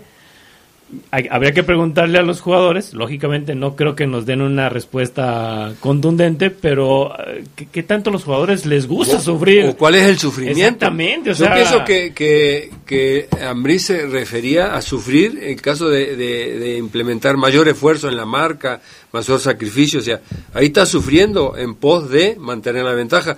Pero sufrir y pararte allá atrás y esperar que te tiren un centro, eso no es sufrir. Eh, es que es sufrir en vano, me cuando, parece, cuando ¿no? sufres, cuando sufres es porque no sabes jugar. Son así. masoquistas, no, son masoquistas ya. no- no sabes jugar Te así. paras allá atrás y esperar que te tiren centro, pues eso Porque no. hay, porque hay equipos que sí se les nota que, que saben jugar sin el balón. Y no lo sufren. Y no lo sufren, lo disfrutan. Sí, porque O sea, ¿sabes se- qué? se- Eh, El caso de- del famoso Necaxa de Manolo Lapuente. Claro, o el, Chihuahua, el, el, el Atlético también de Cholo Simeone. También, o o sea, sea, ¿saben sufren qué? corriendo. Nosotros jugamos así. Exacto. Los que sufren son aquellos que no nos pueden hacer un Sí. gol, porque nosotros disfrutamos sin tener la pelota y sabemos qué hacer sin tener Es la correcto, pelota. así Entonces, es. yo creo que aquí hay, hay una se interpreta el en sufrimiento, de- se de- interpreta de diferentes maneras. Sí, hay, hay- hay diferentes ángulos para ver el famoso sufrimiento de, de- del equipo Esmeralda en este fin de semana. Y luego dice, tuvimos contragolpes que terminamos bien. Yo no recuerdo. o sea, Yo vi uno que, que debutó mi paisano Sosa, que salió corriendo por la banda izquierda y, y nadie lo acompañó. Mena venía caminando, el Chapito venía caminando atrás de la mitad de la cancha. Eso, no es un contragolpe. o sea, uno contra cinco. es uno contra el mundo. O sea, Pero se veía venir. Cuando, cuando Sosa ya estaba, eh, cuando Ramos estaba terminando el partido, estaba solo. ¿No? Ya estaba Es que ya solo. no podía Ya, tampoco. ya no estaba Ismael Sosa, ya el León estaba No había quien lo atrás, acompañara. ya no, ya no había nadie. Y cuando quitas a Ramos y pones a Nico Sosa, bueno, la soledad del delantero se acentúa. Está totalmente solo adelante. Entonces, esos contragolpes que dice Nacho que se terminaron o, que se generaron, pues yo la verdad no me acuerdo. Tendría por ahí una o dos llegadas nada más en el segundo tiempo. Eh, eh, cuando, cuando escuché la declaración de Nacho Ambriz, puse el resumen, puse dos o tres resúmenes para ver, porque si pones uno, pues a lo mejor en la edición se les fueron las jugadas de León. Puse uno, dos o tres resúmenes y ya no vi llegadas de León en ninguno de los tres resúmenes. No, no o sea, hubo. eso quiere decir que realmente León ya no llegó después en el segundo tiempo. Digo, no, tampoco eh, me parece que hay que defender lo indefendible. Simplemente ayer Nacho quería sacar el resultado, decidió que era la mejor manera de hacerlo, plantó a sus jugadores para conseguirlo y lo consiguió. Punto, nada más. Y, y aquí la, la cuestión es de que eh, el León, él dice, ¿es justo el resultado? Pues sí, ¿no? Eh, Es justo porque Sí. metió dos, dos goles, pero también eh, no sé si, si Nacho sienta que el equipo le dura jugando bien 50 minutos nada más. Sí, hay un lapso de los partidos que se le cae. Y, y, y que ya de ahí el León empieza a tener ahí sus, sus deficiencias, porque cuando, cuando en el primer tiempo que estuvo el, el partido de toma y daca, incluso este Aristeguieta falló una y luego Leo Ramos Sí. falló, falló otra, pero, pero el León tuvo, tuvo esos destellos del buen fútbol que, que sí sabe que, sabemos que practica. Claro. Y que incluso eh, creo yo que para mí ha sido uno de los mejores minutos que ha dado Luis Montes en el, en el torneo. Y que otra vez eh, el caso de Mena, de- del Takeshi, pues habla de que León tiene para jugar Bien. bien y unos metros mucho muchos claro, pues de la más mitad para adelante, adelante, exactamente claro. Sí, o sí. sea pe- pero no sé si Nacho sienta que, que el equipo no da no da para más porque también hay, hay que ver que, que físicamente no vemos a un León tan potente como en otros torneos Ahora, yo creo que Nacho Ambriz ayer, el sábado, perdón, respetó a Morelia, A Morelia. porque sabe lo que Morelia le pudo haber hecho. Y no sé si hablar de la palabra miedo, prefiero llamarlo respeto. Respeto de Nacho Ambriz hasta e- a- hacia este equipo de Morelia que los puso en complicaciones el torneo pasado y que incluso los eliminó de la liguilla. ¿Por qué hablo del respeto? Por la forma en la que terminó jugando, porque sacó a sus delanteros y prácticamente pues se tiró atrás para defender el resultado, porque ni siquiera utilizó un menor para darle minutos. Es decir, en este partido Nacho Ambriz dijo, no, aquí no. En este no Sí. es para sumar minutos de menor. Aquí no puedo dar la concesión de tener a un chavo que se puede equivocar y que pueda provocarnos un desaguisado. En este partido no. Si sumamos todos estos factores, podemos entender que Nacho Ambriz decidió el sábado ganar como sea el partido sin sacrificar nada, es decir, eh, sin arriesgar nada, quiero decir, eh, en el hecho de pues tratar de jugar al tú por tú con Morelia, no, aquí no, en este partido no, así lo vamos a dejar. Y bueno, finalmente así sucedió. Vamos a ir a la pausa y enseguida estamos de regreso con más del poder del fútbol a través de la poderosa. Sigan poniéndose en contacto con nosotros, 477-773-3620, nuestra línea de WhatsApp, para que nos den sus comentarios, sus opiniones al respecto de los temas de esta noche.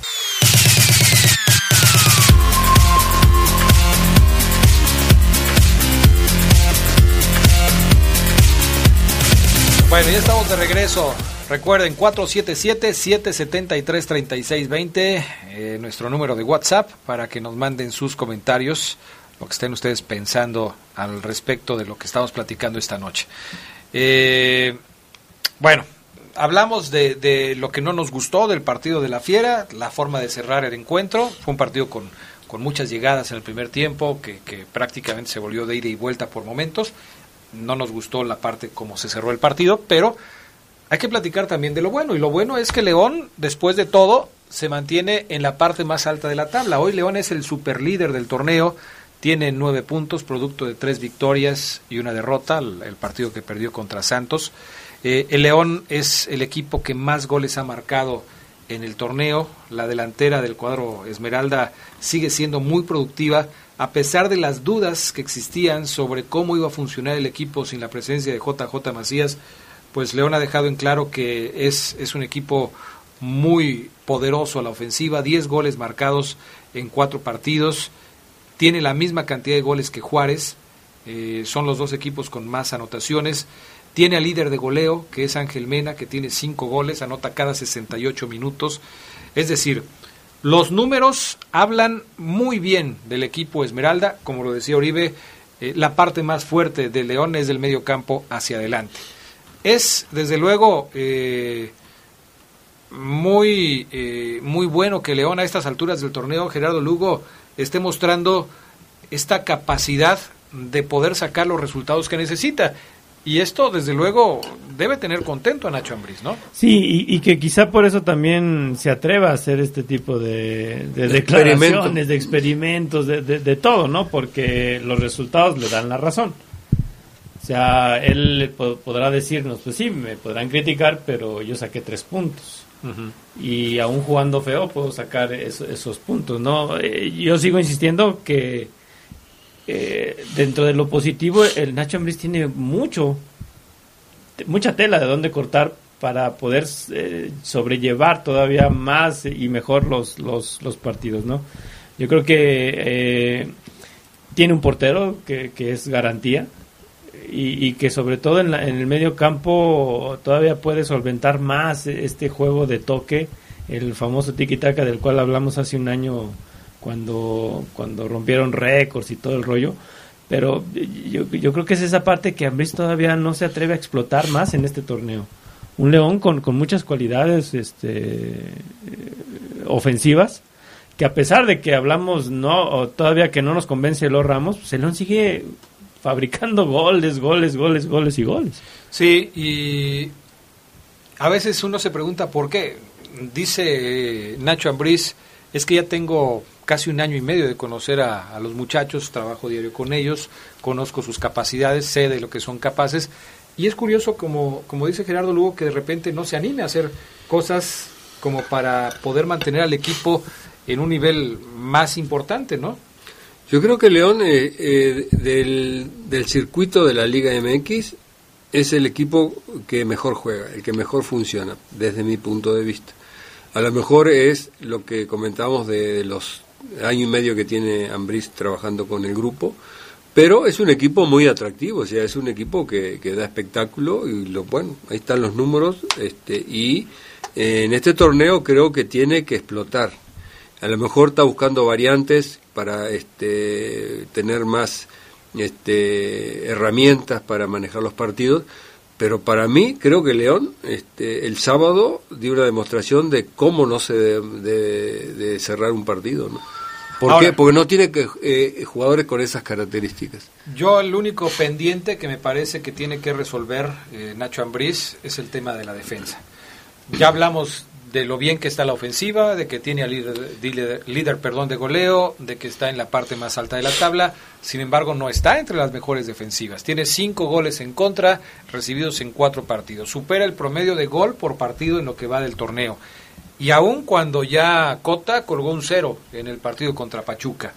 Creo que ese sigue siendo un pendiente porque en varios pasajes del encuentro contra Morelia se vio apremiada la zona defensiva de León. El gol que le anotan a los verdes el sábado pasado es producto de un terrible error de, de Meneses, que trata de jugar una pelota sin éxito a la salida del área y esta se convierte en una oportunidad que, que Morelia no desperdicia con el gol de Aldo Rocha. Lo que pasa es que, eh, Adrián, eh, recibir de espalda en esa situación fue, estuvo mal perfilado y creo que se complementó el, que le dio la pelota y, la recesión que hizo Meneses. Fue, fue de alto culpa de Meneses? Sí, claro que sí. Tiene, tiene cierta curva, porque ahí lo, el jugador cuando está de espalda en esa situación tiene que regresar el balón. Así, pero no, no, no, hay, eh, no hay de otra. O sea, es una zona de alto riesgo ahí en que no puede y han habido jugadas este, que ha costado campeonato, ¿no? Acordate la jugada de, Cruz Azul, la pelota que le roban al, al, contención de Cruz Azul, que Corona le dio una, una pelota de espalda a esa altura mismo que le da Menezes y le costó el campeonato. Sí, eh, pero este tipo de errores son recurrentes, es, es a lo que voy. O sea, si no se equivoca Tecillo, se equivoca Jairo. Si no se equivoca Jairo, se equivoca Meneses. O sea, eso es en lo que tiene que trabajar Nacho para evitar que esos errores se sigan produciendo. Eh, afortunadamente para León, los errores que se llegaron a cometer el sábado no fueron al marcador, solo ese, ese sí. Pero hubo otros en donde los delanteros de Morelia no estuvieron finos a la hora de, de disparar a puerta y otras jugadas en donde Cota se convirtió en la, en la figura del equipo. Eso es lo que finalmente tiene que resolver Nacho Ambriz para poder seguir adelante eh, en busca de lo que no ha conseguido, el campeonato, porque creo que es lo que le falta a León, el campeonato. Ya de récords y de todo lo demás, yo creo que la afición está satisfecha. Ahora hay que buscar la octava, ¿no? La octava, sí, para dejarlo en en el umbral de los grandes equipos de, del fútbol mexicano. Para tu tranquilidad. Ay, bueno, vamos a, leer algunos de los comentarios. Antes de los comentarios, nada más una última declaración de Nacho Ambriz hablando de William Yarbrough. ¿Qué va a pasar con William Yarbrough? Ya se cerró el mercado de fichajes eh, para, para jugadores de la liga. Mm, las oportunidades, las opciones para William son cada vez menos, le van a quedar algunas ligas, no sé en dónde. Pero está, tiene contrato con León todavía. Sí, sí, sí, pero no va a jugar. A eso me refiero. Pero, ¿por qué no va a jugar? Porque Nacho Ambriz lo tiene descartado. Ah, bueno, por, por, decisión de, Nacho Ambriz. Sí, o sea, le dijo que, que quería salirse. Nacho no lo consideró y ya cuando se le trabó, se le cayó todas las posibilidades a Williams, Nacho dijo, no, pues te vas como cuarto portero. Vamos a escuchar lo que dijo Nacho Ambriz al respecto de William Jarrock. Ahí lo tienes, mi estimado Brian Martínez. Mira, es un tema, creo que también la directiva es la que lo está, lo está gestionando todo esto. Yo en ese momento dije mi sentir. Después, bueno, tengo que esperar que todavía, qué posibilidades hay hacia el mercado hacia afuera y después decidir, ¿no? ¿Qué, qué, qué es lo que viene para, para William? Eh, él está trabajando, está trabajando muy bien, la verdad. Hoy sí tengo la posibilidad también de poderlo, que vaya tomando ritmo a lo mejor jugando en la 20, porque ahí sí puede jugar, porque el mercado mexicano se cerró, pero hacia afuera lo, sí se podría acomodar. Eh, esperemos, te reitero, que la directiva es la que está gestionando todo esto. El mercado mexicano sí se cerró, pero afuera todavía tiene algunas opciones. Pues cada vez son menos, ¿eh? Porque el 31 de enero, primero de febrero, para ser más preciso, se cerraron acá en varios lugares. Sí, también. En Europa se cerraron. En, eh, digo, tampoco estamos pensando que lo vayan a mandar al Real Madrid, pero, pero eh, me refiero a que varias ligas importantes ya cerraron sus fichajes. Y la MLS todavía no. Puede ser que, pueda estar por allá, pero eh, cada vez son menos las, las oportunidades que tiene. Y es una lástima, ¿eh? porque yo pienso que un jugador en esa posición que ha ganado dos campeonatos este, y ha estado en, varios eventos importantes del club, creo que tendría que tener su su posición dentro de, su, lugar. su lugar dentro del equipo, ¿no? Realmente a mí me da pena. Pues sí, es una situación desagradable porque no y más que nada porque eh, todas las posiciones necesitan tener competencia. vemos el caso de Corona que ha pasado más de 10 años de titular y nadie le ha hecho fuerza y bueno, ¿no? Pero, pero en el León se supone que William sería el cuarto portero. Detrás. Bueno, pero compitiendo creo que no es el cuarto portero. Yo creo que estoy de acuerdo contigo. Yo creo que está en la misma eh, nivel que, que, Cota. Yo creo que debería ser el segundo portero de, León. Pero hay decisiones que se toman y que obligan a los jugadores a hacerse a un lado. Eh, y esto pasa en todos lados. Por ejemplo, Roger Martínez ya no es tomado en cuenta por, por Miguel Herrera porque dice que se va a ir. Que se quería ir. Y tienes sentado ahí sin hacer nada a un jugador que vale millones de dólares. Por ejemplo, ¿no? El caso de William Jarbo puede ser otro, otro caso de un jugador que no va a ser tomado en cuenta porque ya se determinó que así sea. Entonces, bueno, así así pasan las cosas en el fútbol. Llegó, para mí, la decisión, o sea, si, si les manifestó que se quería ir, yo, yo creo que se tuvo que haber ido hace un par de torneos, ¿no? Cuando se lo ofrecieron ellos. se lo ofrecieron ellos de, de poderse ir. Es que para un jugador que no está en activo es muy difícil cautivar a un posible interesado. O sea, ¿qué, qué va, qué va a mostrar William Yarbrough cuando diga que, que, se quiere ir a otro equipo? ¿Videos de hace dos años? Sí. O sea, ya, o le va a presentar su palmarés de que, mira, yo fui campeón con el León. Es muy difícil. Así. Cuando, cuando te traen a un portero como Cota, es decirte, ¿sabes qué? Bye. Bye. O sea, claro. Y aún, y, aún así, Cota que tuvo un bajón en su nivel, le dieron la oportunidad a William Jarro y ya después este, no volvió a aparecer. Pero sí, si, si, me traen un portero de la calidad de Cota, pues yo mejor busco, ¿no? Busco, busco a dónde irme. Sí. De lo que se trata es de jugar, pues, Exactamente. no de cumplir el contrato, porque seguramente le van a pagar. No, en la banca te mata, Pero, pues, mata a cualquiera. imagínate. Eh, más llamadas, eh, mensajes acá en el WhatsApp. Me dicen, hola, buenas noches, saludos Adrián, Gerardo, profe Oribe, soy Eddie, los saludos desde, desde Cuerámaro, arriba La Fiera juegue como juegue. Eso, es, eso, es, eso es amor, en serio. ¿eh? Eso es amor al equipo.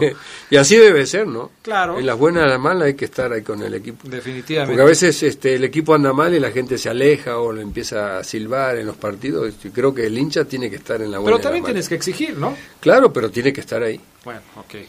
Saludos para mi esposa Rosario y mis hijos Esme y Mariano. Yo le daría mención especial a Ismael Sosa que nadie dice que le está poniendo mucha intensidad a su juego. Me sorprendió el cambio el sábado.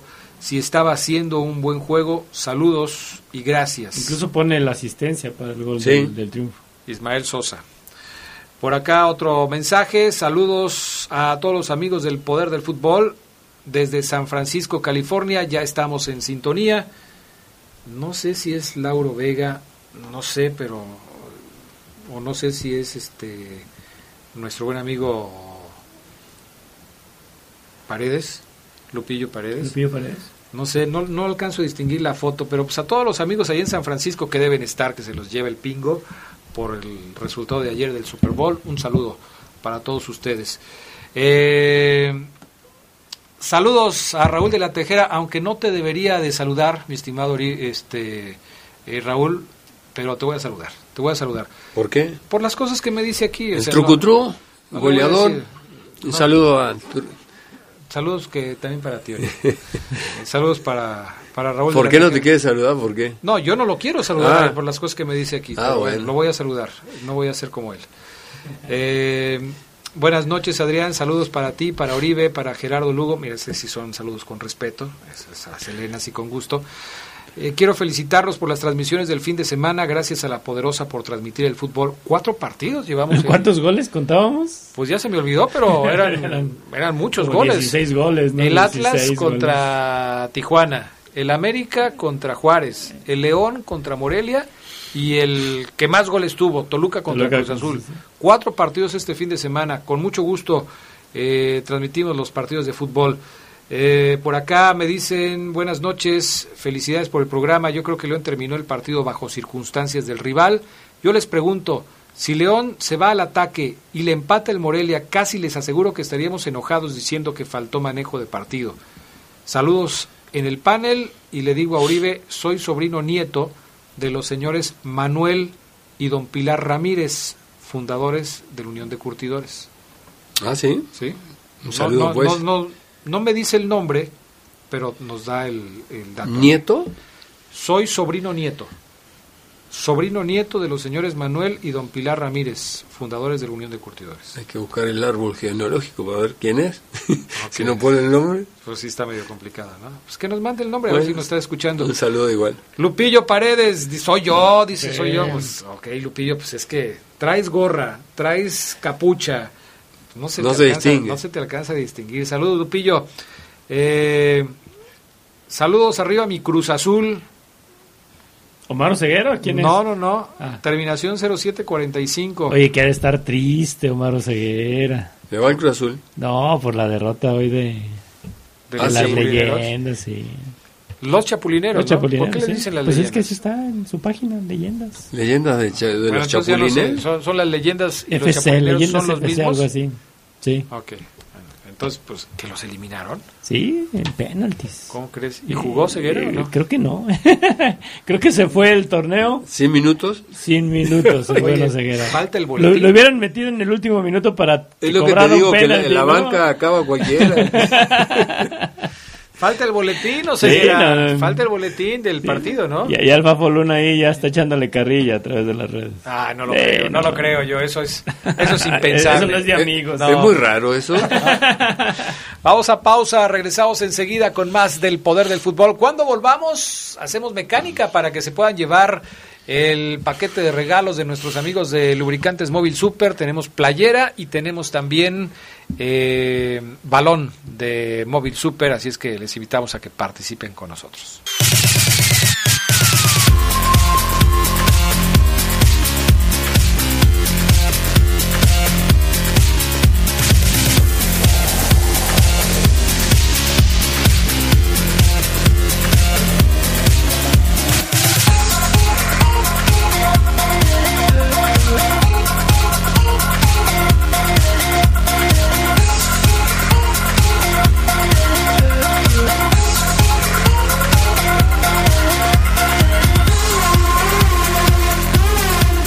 Estamos de regreso. Línea telefónica para participar por eh, las eh, las ¿cómo se llama? La- el paquete de regalos de lubricantes móvil Super 773 eh, 773 3620 y 718 5931. Ahí nuestro compañero Brian nos hará favor de tomar la, la llamada para que ustedes puedan participar esta noche. Mientras llegan las llamadas, aquí algunos otros comentarios de la gente que nos escucha. Dice, el León va a ser campeón hasta que tengan su estadio nuevo. Y luego, como juegan contra un equipo de la media tabla, pues menos. Y Campbell, ¿por qué no juega? Saludos cordiales al panel. El viernes Ya la pasado... banca fue, ¿no? No, no fue ni a la banca, no fue convocado. No fue ni a, ni a Morelia. No fue ni a Morelia. ni a Morelia. No. ¿Ni con la acuérdate- sub-20 jugó? No. Es que acuérdate que León tiene que dejar siempre dos Sí, sí. no formados en México. Los que está deja, bueno, a los que dejó fuera este fin de semana fue a Ramiro y a Campbell. Son los dos no formados en México que ni siquiera hicieron el viaje. ¿Tenemos llamada telefónica? Bueno, Bueno, sí, bueno, buenas noches. ¿Quién habla? buenas noches. Abraham, Abraham Mengoza de aquí de la Azteca. Abraham. Abraham, ¿qué, perdón? Melgoza. Melgoza. Perfecto. A ver, mi estimado Abraham, tenemos, no sé si ya conozcas la mecánica, pero te la repito con mucho gusto. Son tres preguntas y contestas correctamente las tres preguntas que te vamos a hacer. Te vamos a obsequiar una playera cortesía de nuestros amigos de Lubricantes Móvil Super con el escudo de León y obviamente de, de Móvil Super y un balón también por cortesía de nuestros amigos de Lubricantes Móvil Super. ¿Entendido? Sí. Perfecto. A ver, primera pregunta. ¿Tienes una, Gerardo Lugo? Sí, ¿cómo estás, Abraham? ¿Viste el partido del sábado? Buenas noches. Un resumen. Ah, ok. Es que mi pregunta es, ¿a qué jugadores sacó Nacho Ambriz durante el partido? ¿A qué jugador qué? Sacó. O sea, por... Por, ¿a, quién, ¿A quién cambió? ¿A quién cambió? Ay, se Ah, puso difícil, Gerardo Lugo. Oh, no, no, no, no, no tengo esa respuesta. Otra más fácil. Otra más fácil. ¿A quién metió? ¿A quién metió? No, ¿Quién debutó el sábado? el sábado debutó el, no, no, no el hijo de Nacho Ambriz, este, no, eso fue la temporada pasada, ¿verdad? Pero no es su hijo, No ¿eh? es su hijo, ¿eh? No, no lo metes en problemas, mi estimado. Se apellida igual, pero no es su Se hijo. apellida igual, ah, entonces... No, no es su hijo.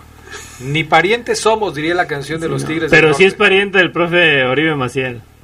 a. Y no, no tengo el nombre, pero sí, sí, sí me... Lo, Sí es pariente, no, pero sí es compatriota del, Sí, del de- pariente, que digo, Sí, ya, ya también me- te estaba Me echando quedé problemas. pensando, ¿y qué? Sí. ¿Cómo? No, Abraham, pues no. Este debutó Nico Sosa el pasado fin de semana, lo, pa- lo, lo decíamos uruguayo porque es compatriota de, de, de Oribe Maciel, pero él fue el que debutó. Jugó apenas unos minutos, no tuvo mucho que mostrar, pero así fue la cosa. Mi estimado Abraham, ¿algún Bueno. saludo para alguien?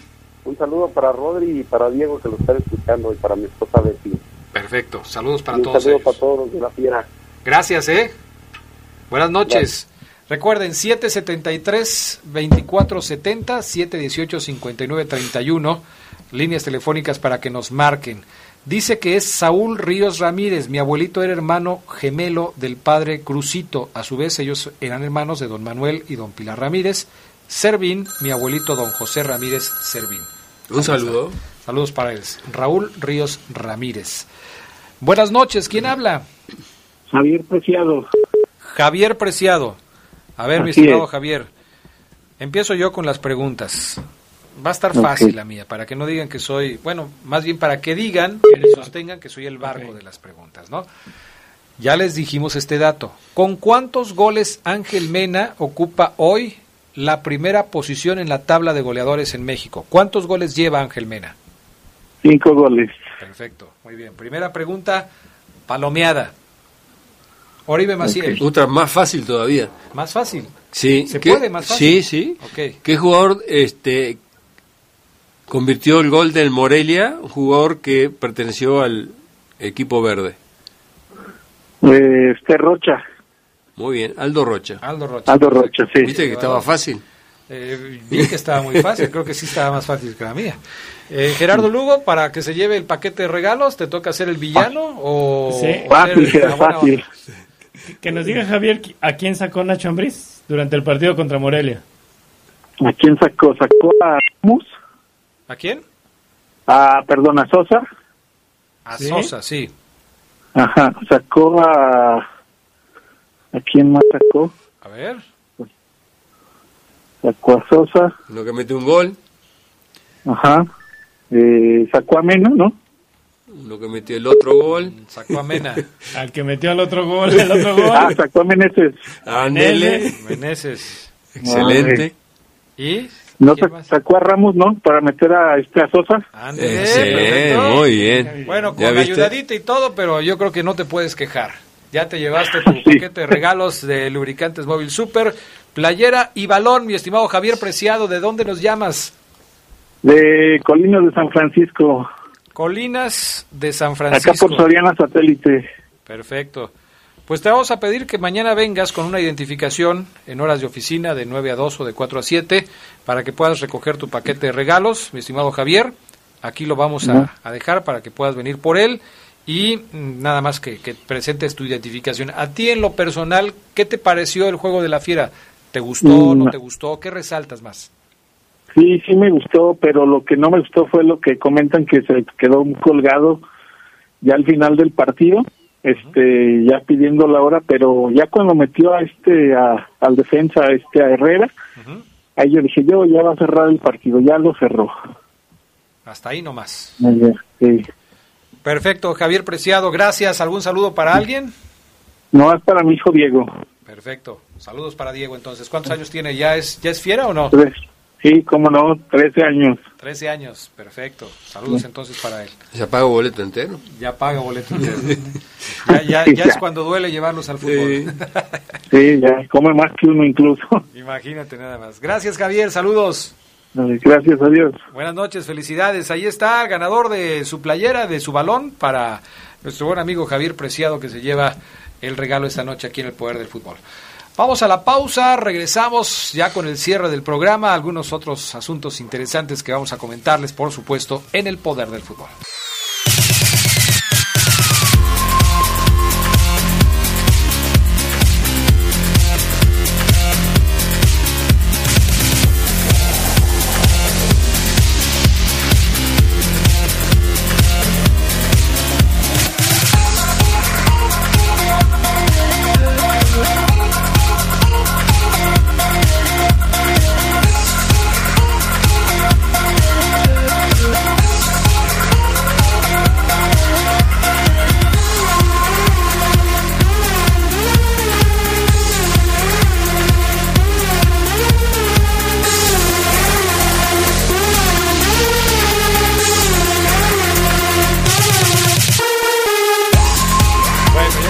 Regreso. Eh, dice Milton Ávila, ya pasé por mi premio y no me lo dieron. Salúdenme y arriba la fiera. Milton Ávila, sé de tu caso. Vienes por el regalo tres meses después de que te lo ganaste. ¿Ya caducó? Pues ya caducó. tiene, Que, llamar de vuelta. Oye, Milton, puedes pasar mañana, voy a dejar tu regalo otra vez. Por favor. Eh, o, en mayo también. O, si quieres. O, castigo, dale otra pregunta a ver si se la sabe bien o si no. O se lo dejamos ya para Navidad. O sea, o sea, se ganan un balón, se ganan una playera y no vienen a recogerlo y después me habla este Ruth para decirme, oye, acaba de venir el ganador. Ruth, por favor, ese ganador tiene como tres meses que se lo ganó y no ha venido. Bien, no, no puede ser. Más vale tarde que nunca. Mañana te lo volvemos a, Mañana te lo volvemos a dejar, mi estimado Milton Ávila. Ojalá que ya por fin pases por él. También te pasas, no puede ser. Lupillo Paredes, ahora escucho el poder del fútbol de la noche desde la Bahía de San Francisco, un poco triste por mis 49. Ya ni me digas, Lupillo. Aquí también tengo, Adrián Lupillo. aquí tengo al, al Gerard Lugo que se está regodeando en la derrota de los 49 de San Francisco. Eh, dice, a ver, aquí están Ah, es que pusiste la publicación del once ideal. Yo te respondí que yo hubiera incluido también a Cota, que me parecía fundamental, y tú pones igual Meneses. que hubieras puesto a Meneses. Bueno, José Eduardo 477 te dice, ¿y el gol en contra? ¿Quién dio el mal despeje? ¿Con todo y todo lo pones? Pero también Cota participa en esa jugada, ¿no? ¿En el gol? En el gol en, contra. de León. Pero Meneses hace un buen partido. a pesar del error. A pesar del error y anota el gol del triunfo. O sea, La resiliencia ahí en el Aplico la resiliencia. Perfecto, ahí está. Muy bien. Eh, creo que ya son todos los mensajes que tenemos hasta el momento por acá en las redes y en todo lo demás. Viene el partido contra Monterrey el próximo fin de semana. León va a jugar contra Monterrey uno de los equipos poderosos de los grandes, dice Oribe Maciel, uno de los grandes del fútbol mexicano. ¿Cómo le grandes en el sentido de que es poderoso económicamente en este torneo. Ah, pero no grande por los títulos. No, bueno, hay que ver los títulos a ver cómo se en este momento este Monterrey y, y Tigres son equipos poderosos grandes. Poderosos económicamente. Que no tiene nada que ver con este lo deportivo, ¿no? un, poderoso que está en penúltimo lugar, ¿no? exacto, y que la lana no te asegura resultados. ¿No? Juárez con muy poco presupuesto le ganó a la América y lo, le pintó la cara. Pero sí te ayuda. Y Querétaro también le ganó a Monterrey. O sea que eso no te asegura. Pero, Querétaro la lana no te asegura los resultados. Querétaro ya está aplicando la de la del mini draft del grupo, ¿no? O sea, Se llevó a Nahuel Pan, que jugaba para Tijuana. Sí, ¿Cuántos jugadores de Querétaro? No, pero este, la verdad que hay que destacar la labor de Bucetich. ¿eh? Ese sí que se, se levantó, porque le vendieron a cinco jugadores y se lastimó Jair Pereira. Seis titulares, o sea, medio equipo nuevo. No lo Y Sin embargo, es un equipo competitivo, ¿no? Yo creo que Ya siempre hemos dicho que Víctor Manuel Bucetich es un gran técnico. Correcto. Y un gran técnico hace lo mejor con lo que tiene. Y en este caso, como lo acabas de resaltar, ha hecho un muy buen trabajo con el equipo que tiene. Pero eh, a lo que yo me refería es que el equipo de, de- de Querétaro se nutrió con varios jugadores que vienen de Tijuana. Sí. Como se está haciendo ahora con, con los equipos que forman parte de un grupo como es Pachuca y León, como es Atlas y Santos, como lo es ahora Tijuana y el equipo de Querétaro. Así, así pasa ahora, ¿no? América en casa ya no funciona. No, ya ¿no? no funcionan así. ya no funcionan así, pero aunque no funcionan en lo... Bueno, y Tigre también tiene jugadores regados por todos lados, ¿no? Bueno, pero Tigres lo tiene como negocio. O sea, Tigres tiene montones de jugadores. Ya acabamos de poner el caso A de Leo Fernández, ¿no? sí.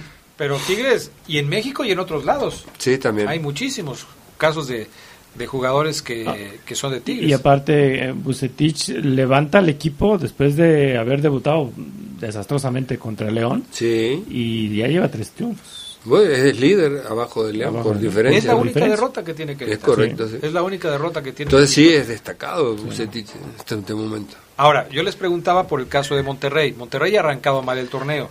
Eh, pero Monterrey tiene cierta ascendencia sobre los verdes en los últimos torneos. El, eh, el equipo regio le ha ganado a León allá y luego acá le complica. ¿Será el momento de que León pueda tomar cierta revancha contra Monterrey? Yo creo que sí. Yo creo que el sábado se lo tiene tiene con qué este pasarle por arriba a Monterrey. Sí, igual Monterrey tiene una, una visita complicada el miércoles, ¿no? Contra Necaxa. Aparte. Es que va, va Va a jugar a saldar su cuenta pendiente. exactamente. Y América también, ¿no? América, Y mañana, contra mañana Puebla, contra mañana. Puebla. Mañana contra Puebla, ¿no? Que también arrancó mal América. eh. América tiene más problemas que Monterrey. ¿eh? Sí, yo creo que si, si, si el León este, tiene para vencer a, a Rayados es en este momento. Sí. Es justo ahora. Es justo y ahorita. jugando como Y jugando local. como local. O sea, es, es el momento de León para ganarle a Monterrey. Y Sí, sería sí, un buen manotazo sobre la mesa, me parece. Sí. Si León gana el sábado pasa, el, el sábado próximo, partido que otra vez va a ser a las 9 de la noche. ¿eh? A las 9 de la noche. Otra vez a las 9 de la noche el partido de León contra Sí. Monterrey. Eh, me parece que León eh, pues sacaría una buena ventaja. Eh, estaríamos hablando ya de la jornada 5, con un León que estaría ganando cuatro de sus cinco partidos Y ganarle al campeón. y ganarle al campeón. Entonces, yo Viste. creo que estaría, estaría Son bien. tres puntos que visten. Si le ganan a Monterrey, entonces sí va a haber más de un jugador en el once ideal de la liga. Claro, cómo no. Hasta cuatro. Efectivamente. No, cuatro creo que Totalmente, no sí. Pero tres, eh, Bueno, hay cuatro de Querétaro No. en esta jornada, ¿no? cuatro no jugadores, Sí, cuatro bueno, elementos. tres jugadores y tres elementos. Ah, ok, ok. Hasta tres elementos. Pero bueno, ya León ya ha tenido eso, ¿no? Ya ha tenido Sí, ya ha tres tenido jugadores tres y, y el y el- técnico. y Nacho Ambriz. Y Nacho Ambriz.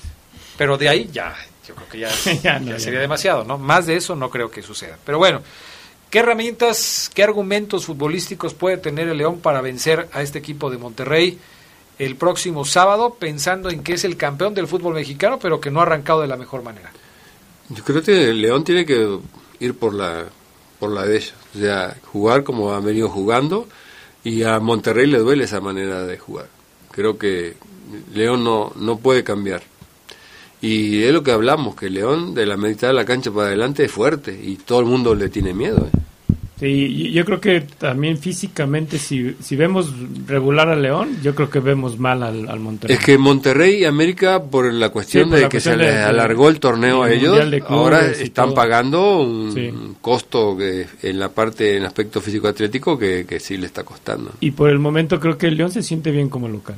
Seis goles, ¿no? Lleva. Sí, Seis goles, eh, no ha perdido. es buena oportunidad para León. Es, es una buena oportunidad. Pues ojalá que la pueda concretar.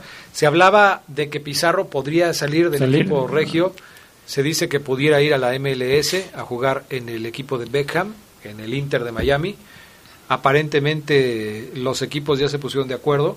Lo que falta es arreglar el salario de Pizarro, que dicen que quiere ganar el doble de lo que está ganando actualmente en Monterrey. Supongo que en Monterrey gana muy bien. Y si se va al Inter va a ganar doblemente bien. Yo pienso, para mi punto de vista, humildemente, es un jugador inflado, Pizarro. Para mí no vale lo que quiere cobrar ni lo que le están pagando en Monterrey. Y menos ahora. Y ahora, y, bueno, y ahí están los resultados. es un jugador totalmente este, eh, intermitente, ¿no? Y que a pesar, exactamente, o sea, a pesar de que, de que fue campeón con Monterrey, no, no logró Pero no ser jugó. indiscutible. Digo, ¿no? pues no, Ahí- pues estuvo en la banquita. Sí, o sea, o sea, era- era- en la final no, no Era- ni apareció. Entonces, cobrar esa- ese dinero, digo, pues, estamos todos locos, ¿no? A veces. ¿Verdad? a veces. No, y, A veces y creo que su forma de jugar, le comentaba fuera del aire, que en la MLS no le veo futuro a Pizarro. Y en Europa menos. En, en Europa lo quería el Krasnodar de Rusia. De Rusia, ¿no? En- El Krasnodar.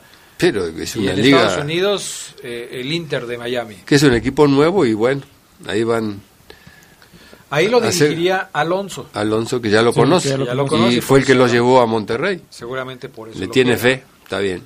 Entonces, bueno, pero si, si tú tienes a un jugador, o, o sea, más bien, siendo jugador, tienes a un técnico que te quiere, que sabe cómo juegas, que te puede procurar, que te puede poner. y- que te va a perdonar De- de cuando algún- tengas tus No, el valores. caso de, de Alanis alguna- también, que se lo llevó el pelado. Almeida, ¿no? Sí, es el verdad. mismo caso. Fíjate que a mí me sorprendió lo de Alanis cuando, cuando se dijo que Alanis era el segundo mejor, el segundo jugador Sí. mejor pagado de Chivas. Por la forma en la que salió de Chivas Sí. y cómo regresa, oye, ¿Y cómo ha jugado en el Chivas? teléfono de la gente. La verdad que sí, que es muy, Es meri- buenísimo. muy Oye, meritorio la ¿Cuánto gente. han de estar ganando los otros? No, No, es buenísimo. Imagínate nada más. O sea, Alanis estaba jugando en una segunda división de Sí, España, de España. y regresa a Chivas para convertirse en el segundo mejor pagado del rebaño. Y, y en la banca. Y pues, imagínate, o sea, no, ese, ese agente que tiene es Sí. formidable. Ha de verdad ser el de Bora Milutino y yo creo que le conseguía chamba No, bueno, fuera. Increíble, pero bueno, así las cosas con, con los fichajes. Es mucho dinero. Yo aquí con el Fafo Luna eh, he hablado mucho al respecto del tema. Él dice que estoy atrasado, que vivo en el pasado, que, que así son las cosas ahora, que se paga mucho dinero por los futbolistas. Yo creo que a lo mejor sí. Por eso Omar está, le está haciendo una lucha. Pues sí, él se está convirtiendo ya ahí Eh. en, en un eh, agente para tratar de, de lograr las contrataciones de algunos otros, ¿no? Así Pero es. en fin, así están las cosas. Pues ya nos vamos, señores. Gracias por haber estado con nosotros esta noche. Les invitamos a que permanezcan en sintonía de la Poderosa y por supuesto mañana escuchen los espacios deportivos de la RPL. En la mañana estamos en el Poder de las Noticias, más tarde en el Poder del Fútbol, eh, con toda la información que se vaya generando hasta el momento. Gracias, mi estimado Oribe Maciel. Gracias, buenas noches. Gracias, Gerardo Lugo Castillo. Buenas noches. Sí, Sí, sí, sí, tápense sí. bien, ¿eh? Hoy estaba, estaba lloviendo todavía más Eh. fuerte ahorita que... No, pues imagínate. Así es que tápense bien para que no les vaya a dar frío. Buenas noches. Gracias también a Brian Martínez en los controles técnicos de la cabina máster. Gracias a Jorge Rodríguez Sabanero. Buenas noches, yo soy Adrián Castrejón. Pásenla bien, hasta luego. Hemos concluido una edición más de su tradicional programa, El Poder del Fútbol. Hasta la próxima.